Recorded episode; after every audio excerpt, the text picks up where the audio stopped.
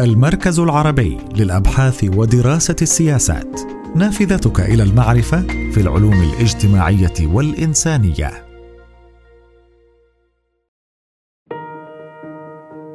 نقل السلطة في اليمن إلى مجلس رئاسي. سياقاته وانعكاساته السياسية والميدانية. انتهت جولة المشاورات اليمنية اليمنية التي عقدت في الرياض برعاية الأمانة العامة لمجلس التعاون لدول الخليج العربية بإعلان الرئيس عبد ربه منصور هادي تشكيل مجلس رئاسي ونقل صلاحياته وصلاحيات نائبه علي محسن الأحمر إليه. ولقد تفاوتت التقديرات حول ملابسات هذه الخطوة ودلالاتها والتي جاءت متزامنة مع هدنة مدتها شهران. أعلنت عنها الأمم المتحدة في اليمن وكذلك مع حلول الذكرى السابعة لانطلاق الحرب التي باتت تستنزف قدرات الجميع من دون أن يتمكن أي طرف من حسمها لمصلحته.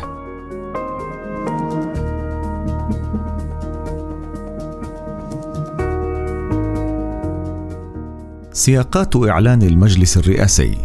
سبق إعلان تشكيل المجلس الرئاسي ونقل سلطات الرئيس إليه. تصعيد كبير في جبهات القتال أعقب عملية إعادة تموضع قامت بها القوات المدعومة اماراتيا في الساحل الغربي لليمن.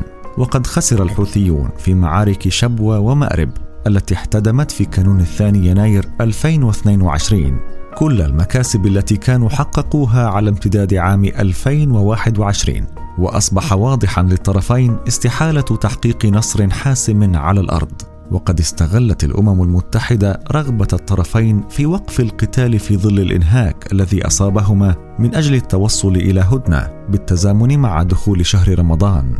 وتضمنت الهدنة وقف جميع العمليات العسكرية الهجومية البرية والجوية والبحرية داخل اليمن وخارجه وقد وفرت المناخ المناسب لعقد جولة مشاورات يمنية في الرياض. انتهت بإعلان الرئيس هادي نقل صلاحياته إلى مجلس رئاسة يتكون من ثمانية أعضاء بقيادة رشاد العليمي بعد أن أعفى نائبه من منصبه ولكن عبد ربه نفسه لم يستقل من منصبه بعد نقل الصلاحيات.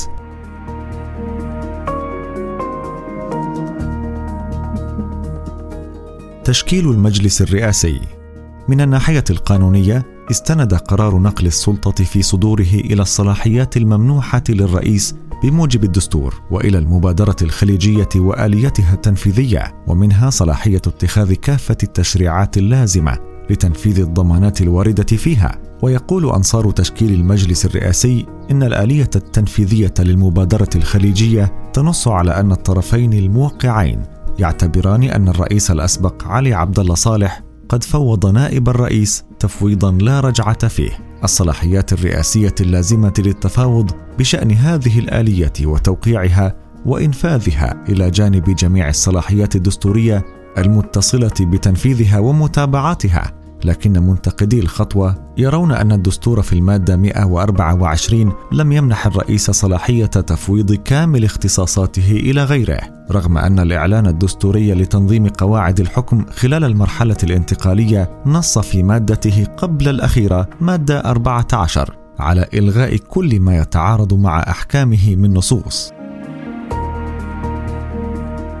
سياسيا وميدانيا أخذت التطورات التي شهدها اليمن على امتداد السنوات الثلاث الأخيرة. تدفع في اتجاه إعادة النظر في مجمل تركيبة السلطة التي يقف على رأسها الرئيس هادي. فمن جهة لم تدعم الحكومة الشرعية على نحو كاف لمواجهة الحوثيين بريا في الشمال ولا في مواجهة المجلس الانتقالي الجنوبي الذي يمارس نفوذا كبيرا في العاصمة المؤقتة عدن وبعض المحافظات الجنوبية. كما أدى بروز دور قوات العمالقة في الساحل الغربي قبل إعادة تموضعها شرقا في محافظتي شبوة ومأرب وقوات العميد طارق محمد صالح ابن شقيق الرئيس الأسبق علي عبد الله صالح في الساحل الغربي وباب المندب وهي القوى التي تحظى بدعم الإمارات إلى رسم مشهد سياسي وميداني جديد في اليمن وقد عكس تشكيل المجلس الرئاسي موازين القوى على هذه الأرض من خلال تمثيل الجنوب بأربعة أعضاء في حين ينحدر سبعة من أعضاء المجلس الثمانية من خلفية عسكرية وأمنية. ثلاثة منهم يتولون قيادات تشكيل عسكرية تمتد من الساحل الغربي إلى المحافظات الجنوبية وتوجهاتهم السياسية مختلفة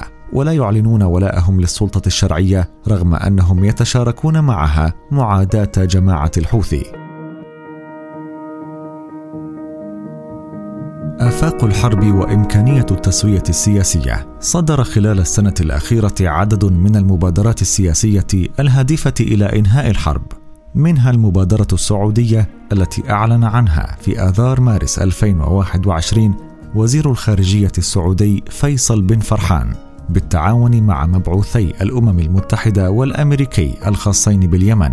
تنص المبادرة على وقف شامل لإطلاق النار تحت رقابة أممية خطوة تجاه الوصول إلى اتفاق سياسي وفتح مطار صنعاء أمام رحلات محددة وإيداع الضرائب والإيرادات الجمركية لسفن المشتقات النفطية من ميناء الحديدة في الحساب المشترك بالبنك المركزي اليمني في الحديدة وفق اتفاق ستوكهولم. وقد لاقت المبادرة السعودية ترحيبا دوليا ورحبت بها الحكومة الشرعية لكن جماعة الحوثي أبدت موقفا سلبيا منها. لاعتقادها في إمكانية الحسم العسكري خصوصا بعد أن أوقفت إدارة الرئيس الأمريكي جو بايدن. دعمها للتحالف السعودي الإماراتي في اليمن ورفعت الجماعة عن قائمة الإرهاب. في المقابل قدمت جماعة الحوثي مبادرة خاصة بمدينة مأرب في آب أغسطس من العام نفسه. بالتزامن مع اتجاهها نحو التصعيد العسكري في المحافظة. وقد تضمنت المبادرة تشكيل إدارة مشتركة متكافئة من أبناء مأرب لقيادة المحافظة وإدارة شؤونها وتشكيل قوة أمنية مشتركة وإخراج كافة القوات الأجنبية منها. لكنها قوبلت بتنديد الحكومة التي اعتبرتها محاولة لتجزئة الأزمة والحل. وبالتزامن مع الذكرى السابعة لاندلاع الحرب وإطلاق هجمات صاروخية واسعة استهدفت المنشآت النفطية في السعودية في آذار مارس 2022 أصدرت جماعة الحوثي مبادرة تضمنت تعليق الضربات الصاروخية والطيران المسير وكافة الأعمال العسكرية في اتجاه السعودية برا وبحرا وجوا ووقف المواجهات الهجومية في عموم الجبهات الميدانية بما فيها جبهة مأرب. مدة ثلاثة أيام مع الاستعداد لتحويل وقف المواجهات إلى التزام نهائي إذا أعلنت السعودية سحب جميع القوات الخارجية من اليمن. وأثناء ذلك وجه مجلس التعاون دعوة للأطراف اليمنية لإجراء مشاورات بينها في الرياض. ولم تستجب جماعة الحوثي للدعوة لكنها وافقت على حضور محادثات الهدنة في العاصمة العمانية مسقط. يوحي السياق الذي أقر فيه نقل السلطة ومضامينه برغبة السعودية في حل سياسي ينهي الحرب المستمرة منذ سبع سنوات والأزمة السياسية المستمرة منذ ثورة فبراير 2011 وهو ما أشارت إليه كلمة رئيس المجلس في تأكيده أن مجلس القيادة الرئاسي هو مجلس سلام إلا أنه أيضا مجلس دفاع وقوة ووحدة صف. مهمته الذود عن سيادة الوطن وحماية المواطنين وقد تضمن قرار نقل السلطة في المادة السابعة منه حول الحل السياسي الشامل أن يتولى مجلس القيادة الرئاسي التفاوض مع جماعة أنصار الله الحوثيين لوقف إطلاق نار دائم في كافة أنحاء الجمهورية والجلوس على طاولة المفاوضات للتوصل إلى حل سياسي نهائي وشامل يتضمن مرحلة انتقالية تنقل اليمن من حالة الحرب إلى حالة السلم. وللتأكيد على هذه الرغبة فقد سبق قرار نقل السلطة إعلان التحالف عن وقف عملياته الجوية وفتح المنفذ البحري في ميناء الحديدة لدخول المشتقات النفطية واستئناف رحلات الطيران من العاصمة صنعاء وإليها تجاوبا مع الهدنة التي أعلنتها الأمم المتحدة.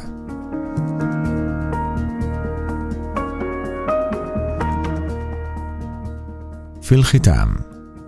جاء إعلان نقل السلطة وتشكيل مجلس قيادة رئاسي خارج إطار الترتيبات الدستورية وقواعد المرحلة الانتقالية لكنه يعكس التغييرات التي حصلت على الأرض خلال السنوات الثلاث الماضية والتوافق بين السعودية والإمارات وحلفائها من القوى السياسية والعسكرية لتقاسم السلطة والنفوذ في المحافظات التي تقع خارج نطاق سيطرة جماعة الحوثي. ويبدو المجلس مثل هيئة يتقاسمها النفوذ الإماراتي والسعودي. ورغم أن المجلس الرئاسي سيحاول التمسك بالشرعية التي امتلكتها حكومة الرئيس هادي على ضعفها في مواجهة الحوثي وذلك من خلال الحصول على تصديق مجلس النواب الذي نص قرار نقل السلطة في مادته الخامسة على استمرار ولايته مع مجلس الشورى وقيامها بالمهام المناطة بها. فإنه من المرجح أن تسعى جماعة الحوثي إلى استغلال الأجندات المتباينة لأعضاء المجلس لإضعافه وتفكيكه ما يعني أن فرص التوصل إلى حل سياسي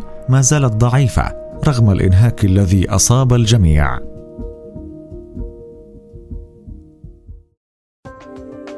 لمتابعة أخبار المركز وفعالياته تجدون تفاصيل المواد والأبحاث في وصف الحلقة على منصة البودكاست التي تستمعون منها وموقعنا الرسمي.